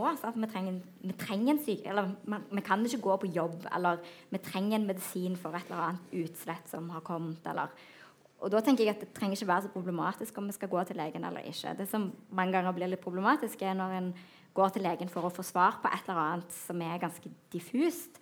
Og så når vi gikk gjennom den testen hjemme hos deg, så var det jo noen ting vi var veldig sånn Ja, dette må du gå til legen for. Hvis du er ferdig med overgangsalderen og du får en blødning nedentil, så var vi liksom veldig enige om at det er et symptom vi skal ta på alvor. Så det er jo eh, det er noen ting vi skal, skal, ta på alvor, og så er det noen ting som vi kanskje ikke skal liksom kjenne for godt etterpå. Altså det, det er et komplisert spørsmål å svare på. Men det som er litt av utfordringen, er at vi, når det står avisoverslag om dette er faresymptomene på et kreft, så er det kanskje ikke så problematisk at det står liksom, underlivsblødning hos eh, kvinner over overgangsalderen. Men det er litt problematisk når det står diffuse magesmerter. Det er på en måte Kanskje putte de to tingene i samme kategori. da. Mm, takk skal du ha. Eh, det var der, tror jeg Du får mikrofon. Det var en kommentar til deg som da er redd for å overse symptomer og misforstå symptomer. Jeg har nylig kommet til å lese en oversettelse av Hippokrates sine skrifter. Og den rant meg i hu når jeg hørte hva du sa. Ja. Og Dere kjenner vel til de skriftene, kanskje. Men, eh, men det som jo eh, står jo i disse skriftene da, at Hippokrates han var jo da veldig, veldig, veldig redd for å gjøre det feil. Og eh, fordi hvis han gjorde feil, og pasienten ikke ble frisk eller ikke, eller i hvert fall døde, så tjente han ingen penger. Og, eh, og, men, mens så står det Hvis han i forveien kunne si fra at denne pasienten, denne personen ville ikke bli frisk, da fikk han likevel penger. Ja. Um, så det, jeg mener, verden har ikke forandret seg. Nei. Um, men, uh, men, men, men, til forskjell så tenkte jeg som så, da. Men så til forskjell for Hippokrates, da. Han, han var risikerte altså ikke tjene penger. Altså fastlege, Som fastlege så risikerer du ikke å tjene risikerer du ikke noe økonomisk hvis du, hvis du, hvis du, hvis du mislykkes. Uh, det var det ene, ene, jeg hadde lyst til å si. Det andre jeg hadde lyst til å si, det er i forhold til meg selv som pasient i forhold til en fastlege. Sånn? Et, et sånn levende, levende eksempel. Uh, jeg opplever jo, og det gjør vel de fleste, at det, en, at det er en forutsetning at du har en fastlege som kjenner deg, som har fulgt deg over tid og fulgt symptomene dine og, og justert sin innsats ut ifra det som han vet hvordan denne pasienten reagerer, og hva denne pasienten pleier, pleier å si. Og jeg, så jeg har stadig hatt sånne små besøk hos min eh, kjære fastlege. Og så, og så sier jeg hver gang sier jeg at nå er jeg blitt helt frisk takket være besøket hos deg. Og, og, jeg opplever det som en kunst, selv om eh, pasienten kan jo tro og mene at dette, alt, alt, kan jo være kreft og alt kan være veldig farlig. Eh, men og, og hva, hva, legen sitter og tenker, eh, det, det, vet jo ikke jeg som pasient. Men når han hun i dette meg ned og sånn og sånn, så regner jeg med at da har legen inni sitt hode tenkt igjennom ting og vurdert all verdens ting å ta. Og det føler jeg meg trygg på.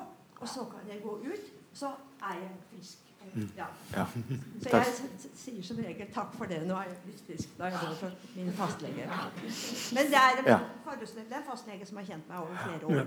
Ikke sant. Takk skal du ha. Uh, og det du peker på der, er vel også at Dette handler jo om risikohåndtering, det, da. Det handler om håndtering av den informasjonen. At det er en del av jobben deres. Nå ser jeg hendene flagre her. Det var Yngvild først. Det er kanskje noen i salen først. Så jeg kan eh...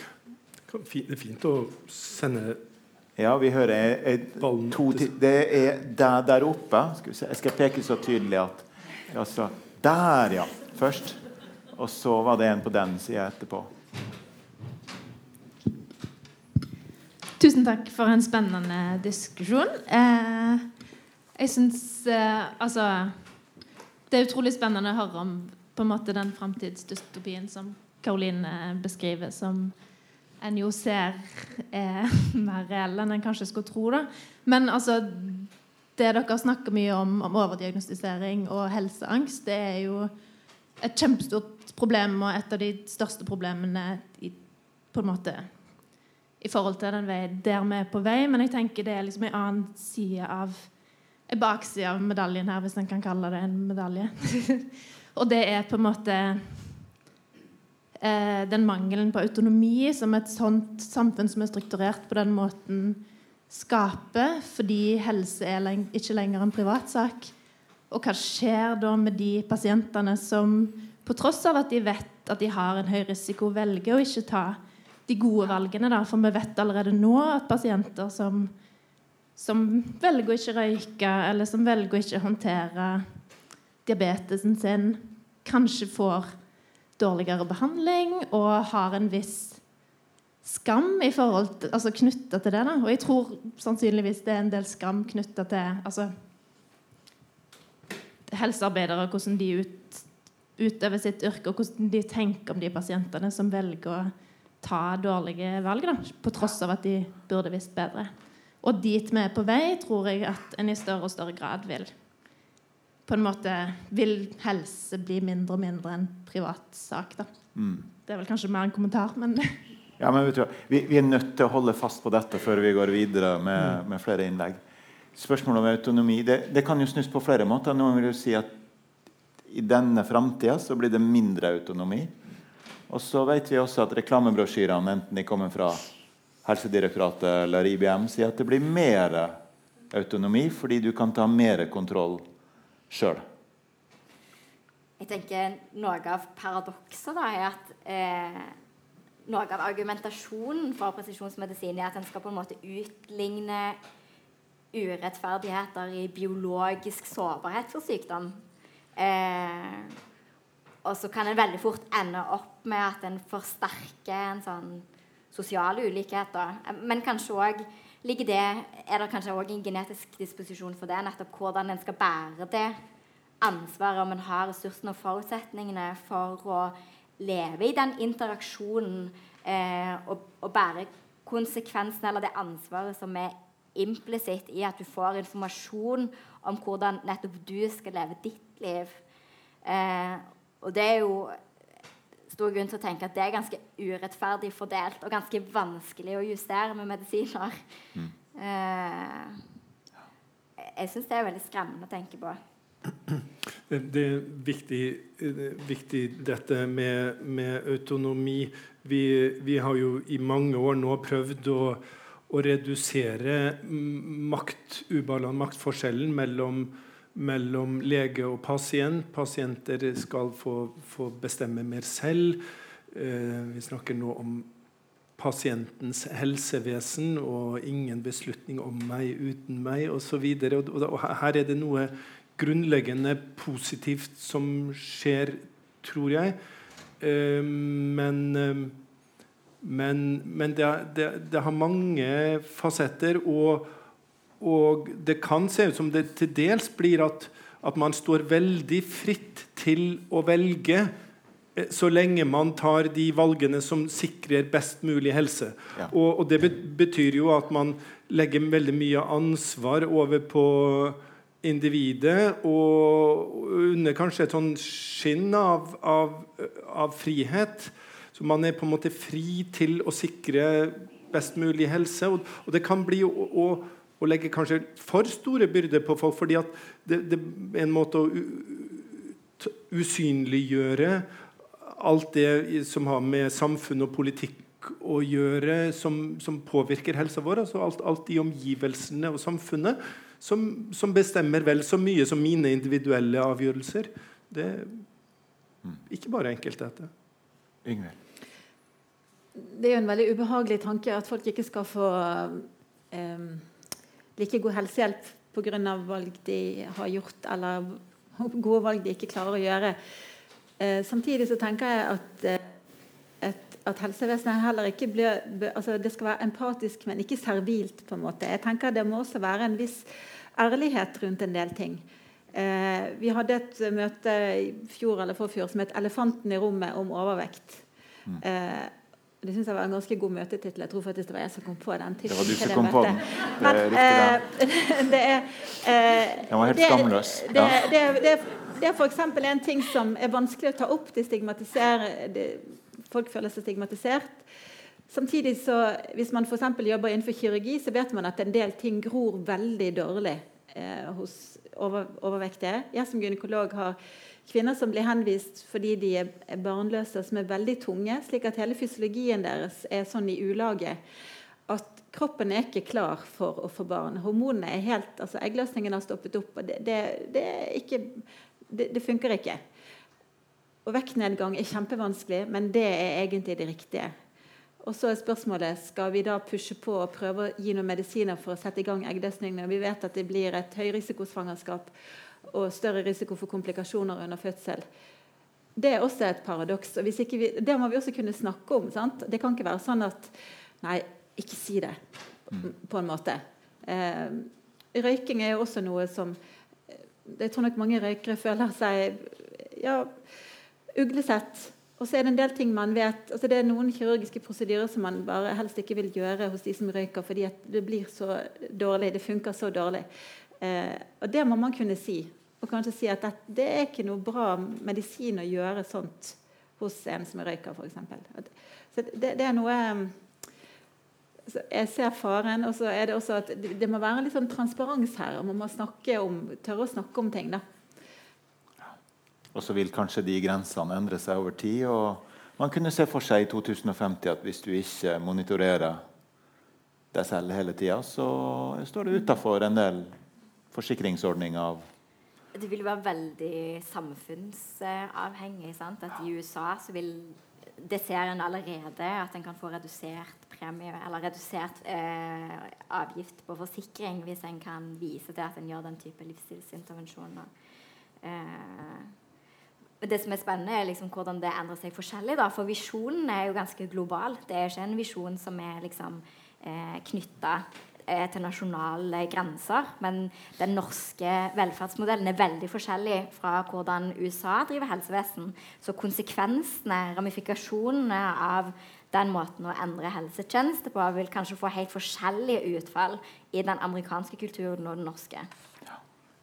Eh, nå skal vi se nå eh, det, det, det, Kan dere prøve å si litt mindre interessante ting? For da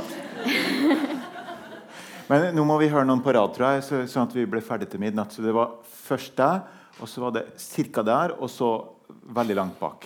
Ja. ja, jeg er jo lege, da. Så jeg tenkte bare skulle si et en liten kommentar til ting som har vært sagt her før. Det, nå praktiserer ikke jeg eh, på en måte sånn at jeg ser pasienter lenger. Så det er ganske lenge siden.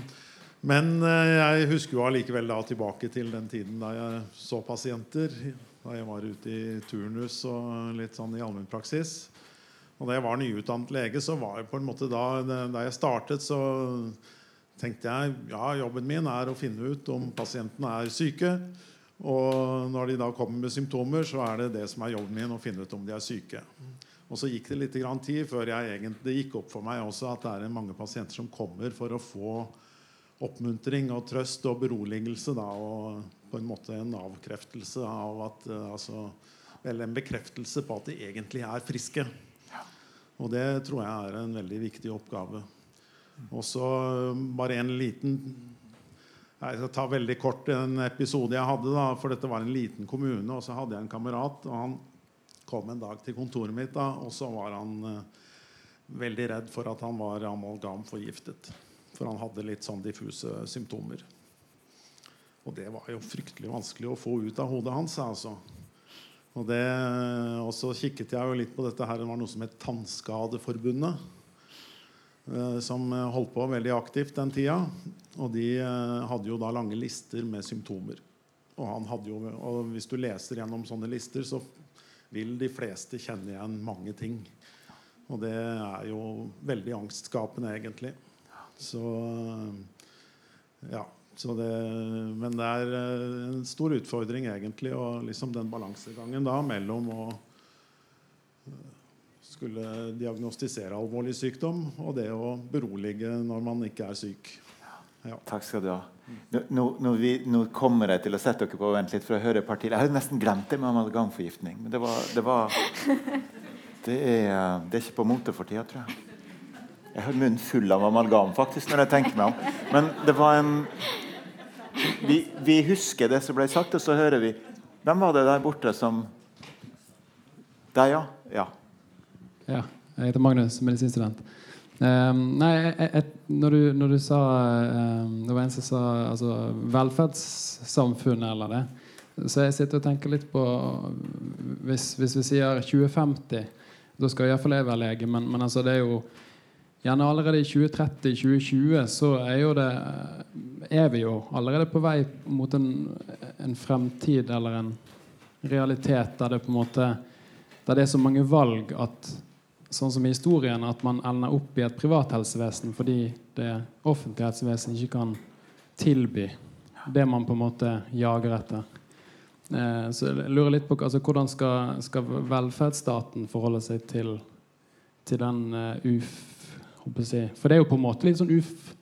Altså På et eller annet punkt så vil vi komme til det eh, Og kanskje er vi nærmere oss der at vi, at vi ikke kan på en måte tilby mer. Eller at vi, at vi må på en måte begrense. Vi kan egentlig finne ut akkurat hvilken krefttype du har, akkurat hvilken medisin du har, men da koster det 10 millioner.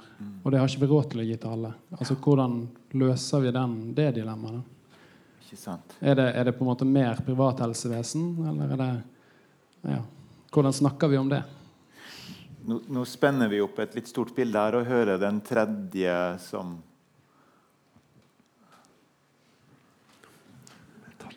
Ja, Dette er litt på en måte på sida av alt, men også litt overordna. Fordi jeg regner med at målet deres er kanskje å liksom utvide levealderen vår. Og så snakker de om at vi skal ikke leve evig. Så hva tenker dere er ideell alder hvis vi på en måte flater ut og blir friskere og friskere? Hvor gamle skal vi bli? Ja. Ideelt sett. Ja. ja. ja. ja men, men, dette lager en fin uh, paraply for oss nå. For, fordi Hva fikk vi nå? Jo, vi, vi ble minnet på at, at, at, den gode legers Den modellen, den forestillinga vi har om legen nå eh, Og når vi sier lege, så mener vi jo selvfølgelig egentlig helsepersonell. Uh, og, og, kanskje ikke bare det heller. Uh, det er ikke bare å behandle sykdom, men det er også for det å, å, å trøste og berolige folk. og, og og støtte dem på at, de, at, det går bra med dem. Ja? Og så fikk vi høre også at uh, ja, men, men, hvordan blir nå dette, da? Når, når, det liksom bare vokser på seg med det, det en, altså, Det vokser økonomisk i fordringene, men det vokser også i antall ting som skal gjøres. Og antall ting som skal huskes på. Både for pasient og for, for helsevesen. Og så er det jo et betimelig spørsmål oppi dette. At liksom, ja, og hva er egentlig målet her? Altså, jeg, jeg, jeg, er så heldig at jeg får jobbe sammen med Gunnar Skirbekk, som har vært pensjonert en, en, en god stund, men som fortsetter å jobbe. Og, og, så var det snakk om dette med sånne visjoner om evig liv. Og så sa Skirbekk, som er, uh, begynner å bli en voksen mann altså, e, Leve evig. Det er veldig lenge. Det, uh, så jeg tipper at dere ikke kommer til å si at evig liv er Man får jo lyst til å sitere Ingvar Wilhelmsen. at Du må huske på at de ekstra årene de får du på slutten. Eh, sånn at det, Hvis det skulle være noe gøy å leve mye lenger enn det vi gjør i dag, så må det være fordi vi er så friske at vi har det bra. Eh, så blir det jo en seleksjon med hvem som lever lenge. De er jo ofte friskere. Så det, det forutsetter på en måte en, eh, en, en god helse, da, hvis det skal være noe stas. Det er jo ganske mange gamle som syns det er tungt, og som blir mett av dager fordi de ikke har det så bra. Så jeg har ikke noe, bedre, jeg har ikke noe ansvar enn det. Men jeg hadde lyst til å si noe annet. hvis jeg ja, kan ta ja, ja, vær så god. Og det, det, var litt i forhold til det også med helsevesenet som vokser, og det private og sånne ting. Jeg har, jeg har ikke noen oppskrift på det, selvfølgelig, men jeg skulle ønske meg en ærlighet. Altså, jeg synes noe av problemet er at medisinen overselger jo seg selv. Fordi at vi snakker om veldig mye ting vi kan gjøre. For det høres ut som vi kan fikse alt mulig som ikke kan fikses. Også fordi dødeligheten er 100 eh, Og da syns jeg nok kanskje at en del av de private aktørene er veldig sterke på det. Jeg, du kan kjøpe deg en dag med kreftscreening på jeg vet ikke om det er Volvat eller Lerestad. Det er noe som heter Screen Cancer, hvor bedrifter kan abonnere på altså du, du, De kan gå inn i en avtale og, og, få en sånn test med forskjellige krefttyper innenfor krefttyper som ikke vi har noe screening for. Det betyr at det er ikke på en måte noe godkjente, gode opplegg. Dette blir presentert som et gode som man kan tilby sine ansatte. Hvor mange får falske positive? Eller falske negative? Kanskje vi går og har altså det, det er liksom øh, Og jeg møter det jo ofte i forhold til det som mange kvinner er redd for, som er eggstokkreft. Folk ville ha en ultralyd en gang i året hos gynekolog for det. Det er ikke vist at det er noe helsegevinst i det. Det er vanskelig å snakke om, men jeg synes at man må si at det er ikke sånn at vi klarer å redde folk ved å gjøre det. Foreløpig har vi ikke noen måte å fikse det på. Da syns jeg ikke det er riktig å ta kontroller og gi folk en falsk trygghet. Eh, jeg syns vi må være ærlige på hvor vi kommer til kort. Um, og det kan selvfølgelig være angstskapende, men det er noe med at dette er livet. Da, da hører jeg jeg blir litt streng. Men ja. ja. Eh, hvem er først av dere nå, da? Jeg tror at det er, det Karoline, tror jeg. Jeg er veldig enig i det Ingvild sier. Eh, jeg syns det er spennende dette spørsmålet om hvor er velferdssamfunnet på vei. fordi eh, det Ingvild sier, er litt sånn Det er litt upopulært. Det er ikke det du går på valg med. Det er masse følelser, masse affekt i retorikken om helse. Eh, masse anekdoter, masse enkeltmennesker, masse ansikter. Eh, og det brukes i politikken. Eh, ikke bare liksom av de profesjonelle politiske aktørene, men av pasientorganisasjoner. Og, og, det er noe med den måten å kommunisere på som samfunn eh, som gjør det vanskelig å sette eh, grenser i politikken. Eh, så til og med i dag så er det jo politiske partier som bare sier at vi må, vi må unngå denne trenden med at det oppstår et todelt eh, helsevesen. Derfor må vi si ja det er på en måte det som er argumentet for at vi ikke kan sette strenge prioriteringskriterier. Og det er jo selvfølgelig farlig sant? når vi ser på hva slags muligheter som ligger der ute, som egentlig ikke er så veldig eh, virkefulle, i den forstand at de kanskje ikke eh, skaper så mye helse. De gir ikke så mye eh, gevinst med tanke på innsats. Eh, det, det, er et pressende spørsmål. Hvordan kan vi ha, kan vi ha den diskursen Eh, uten at det på en måte forsøpler politiske eh, prosesser. Eh, utrolig krevende. Og det krever noe av oss alle. Vi snakket om ansvar tidligere. Det krever kanskje en form for bevissthet hos oss alle om eh, hvordan vi blir trigga av følelser. da. Jeg har tenkt masse på dette med tanke på hvordan kreftforskning finansieres. og eh, hva slags type særposisjon det på mange måter har i finansiering. Hvor, I hvor stor grad blir det påvirka følelser. Og så kan jeg sitte på bussen liksom, og se på Facebook, og så får jeg opp en eller annen artikkel om et eller annet ungt menneske kanskje på min alder som har små barn som dør av kreft, og så kan jeg begynne å grine på bussen. Liksom. Altså sånn, Det gjør noe med meg. liksom. Altså sånn, Jeg blir altså grepet av eh, hvor sterke de emosjonene er, og hvordan de brukes i et sånn maktspill. Eh, og, og, det tror jeg vi snakker vel altfor lite om. på en måte. Hvor mye av hvordan samfunnet vårt organiseres på. Hvor mange politiske beslutninger som blir påvirka av at vi blir rørt av et eller annet. Eh, som på mange måter gjør at vi, at vi mister den der klartenktheten, den rasjonaliteten som vi egentlig ønsker å ta med inn i beslutningsprosesser. Eh, og jeg tror vi alle er sårbare for det. det liksom, jeg tenker på det hele tiden, og jeg blir likevel likevel så mister jeg liksom fotfestet i det. det. Det handler vel om å lage disse rommene hvor vi kan bruke både fornuft og følelser for å snakke eh, om disse tingene. Stefan? Ja, Det som Magnus tok opp angående private altså, privat helsevesen eh, er ganske sammensatt. På den, på den, ene siden så nevner du Magnus, at eh, hvis du har fått kreft, og, hvis det bare eh, fins nok penger, så går det an å finne ut alt om eh, den genetiske sammensetningen til den svulsten. Og uh, man kan finne ut uendelig mye, og man kan kjøpe den aller nyeste og mest lovende behandlingen. Og, og, og dette aspektet får, får, voldsomt stor oppmerksomhet. Og så er det allikevel sånn at av de 700 000 som har privat helseforsikring nå i Norge, så, så de aller, aller fleste får da private helsetjenester mer av typen som jeg illustrerte med Erlend Altså en ingeniør eller en ansatt i Tine eller Tide Buss eller hva vet jeg, som enten har et hverdagslig symptom og får det overutredet uten at det blir noe bedre enn om det hadde vært utreda i det offentlige, eller screening uten noe gevinst, og til og med med fare for, for falske positive.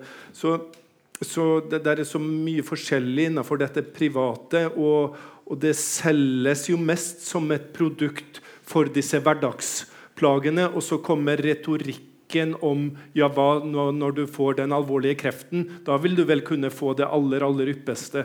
Så det blandes sammen. Um, bare som en, en, observasjon og ikke, ikke noe løsning eller noe som helst, men det er bare verdt å ha med seg. Og så til kollegaen helt ut, ut til, til, siden her, med dette med legens rolle med å gi bekreftelse på at Nei, jeg tror ikke det feiler deg noe alvorlig. Jeg tror det er greit.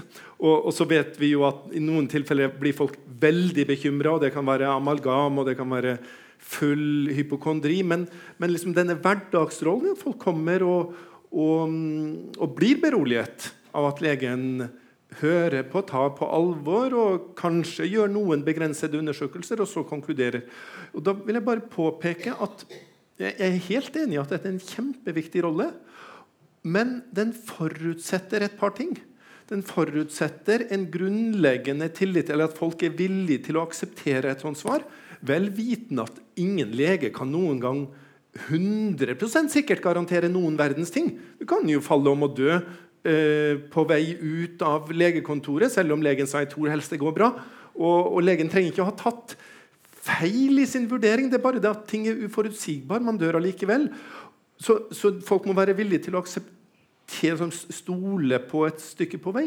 Og legene må tørre å si sånne ting. Og det er kanskje en av utfordringene i dag. og jeg, jeg sier at jeg kan være redd for å overse ting, men jeg kan love deg at de som er Karoline sin generasjon. Når jeg, jeg er veileder for, for unge, unge, leger som er på vei inn i allmennpraksis, de er pissredde. Og de gjør alt for å ikke overse. Og med den konsekvensen at de overutreder. Det er bare litt om, om, betingelsene for at vi kan gjøre denne jobben som du nevnte. Mm, takk skal du ha. Eh, jeg har en der. Har du lyst til å løpe rundt med mikrofonen? Og så tror jeg at uh, mens du snakker Hvis det er flere i salen som har lyst til å, å, å si noe før vi liksom runder av den formelle delen, så må dere eh, vifte med hendene mens du snakker. Jeg hadde lyst til å ha et lite innlegg til den å kjøpe seg hypokondri. Jeg er genetiker og jobber med genetisk kreftdiagnostikk.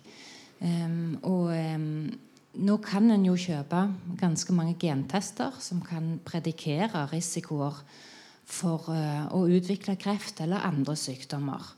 Uh, og um, jeg stiller jo spørsmålstegn med hvordan de kommer fram til de tallene med desimaler bak. Jeg vet ikke hvor de får de tallgrunnlagene for i hele tatt å kunne uttale seg. jeg opplever òg at vi har ekstremt stor forskjell hvordan vi opplever risikoer Eh, noen opplever en risiko på 1 på 3000 til å være veldig høy. Mm. Mens andre tenker ok, da er jeg en av de 2999 eh, som ikke dette en ramme. Um, og um, vi ser jo at pasient, personer, friske personer kjøper de her testene. Eh, får, eh, blir redd av de resultatene de får.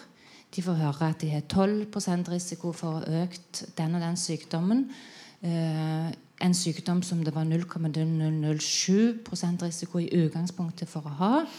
Det får de ikke formidle. De får formidle at de skal begynne å trene, de skal spise sunt, og de skal slutte å røyke, de skal holde seg undervektig. Eller ikke undervektig, ikke overvektig. Mm. Og så trenger de hjelp til å håndtere denne. Eh, og da kontakter de fastlege og kanskje genetisk avdeling. Hjelp til å tolke det her. Um, og vi har hatt en diskusjon på um, er det vår jobb. Ja.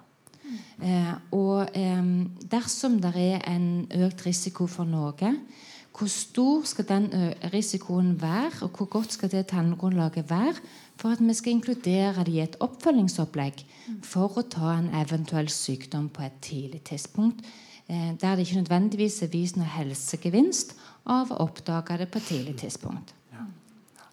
Takk skal du ha. Og, og de har uh, Vi sitter i Norge og regulerer sånne ting godt, og så har de gjerne kjøpt disse testene uh, over Internett og i utlandet. ikke sant? Mm. Mm. Vi, vi, hører deg også samtidig, før vi får en sluttrunde med det var snakk om hva vi skal tilby og, og, som, som, doktor. og da tenker jeg at Som, som gynekolog sitter vi veldig mye og anbefaler HPV-vaksiner. Og jeg får mer og mer sånn dårlig følelse fordi de som trenger det mest, de har jo ikke råd til å kjøpe det. Altså, du kan si at 4000 kroner for en vaksine det er jo en av mange ting. sant? Så jeg får mer og mer sånn uh, urolig følelse at her sitter vi hele tiden og Ut fra studier at det er viktig at vi anbefaler vaksine. Men de som har mest bruk for det, de, har, de prioriterer ikke det. Og så lurer jeg på fastlegene. sånne ting. Jeg sitter som gynekolog i praksis, men fastlegene de har vel også noe tilsvarende. Det er også et problem, og det er jo et samfunnsproblem. For ulikhetene, de vokser. Ja. Takk skal du ha. Um, nå ser jeg på dere, og så ser jeg om det er sånn at dette panelet er jo et slags overflødighetshorn som uh, det bare strømmer kloke ord ut av. Men vi må jo stappe noe inn i det til slutt, da, sånn at vi kan gå ut i kvelden. Men har dere noen, hvem ønsker å komme med noen korte betraktninger rundt de ikke-trivielle problemene vi hørte om her? To setninger om det siste innlegget. Sosial ulikhet i helse øker i Norge. Og helsevesenet er ikke særlig bra på å gi likeverdige tjenester, sånn at de som har størst behov, får mest. Og det, Vi sliter også med det, vi fastlegene. At de som har størst behov, de, de kommer kanskje ikke. Eller hvis de kommer, så er vi dårligst rusta til å hjelpe de. Um, bare for å på en måte støtte altså viktigheten av det du nevner. Jeg tenker også at um vi kommer jo ikke til de endelige konklusjonene i dag heller. da, selvfølgelig. Det, det er jo alltid sånn det er. Men, men, det du peker på i det du sier, er jo også på en måte syntesen av alt her, som er at hvis man liksom skal se inn i glasskula da, og tenke men hvor, hvor går? Nå har vi fått vite litt om Vi har tenkt over, vi har delt erfaringer om hvordan er denne situasjonen i dag. Vi vet, vi vet hva en del mektige krefter i samfunnet ønsker seg av, av medisin i framtida.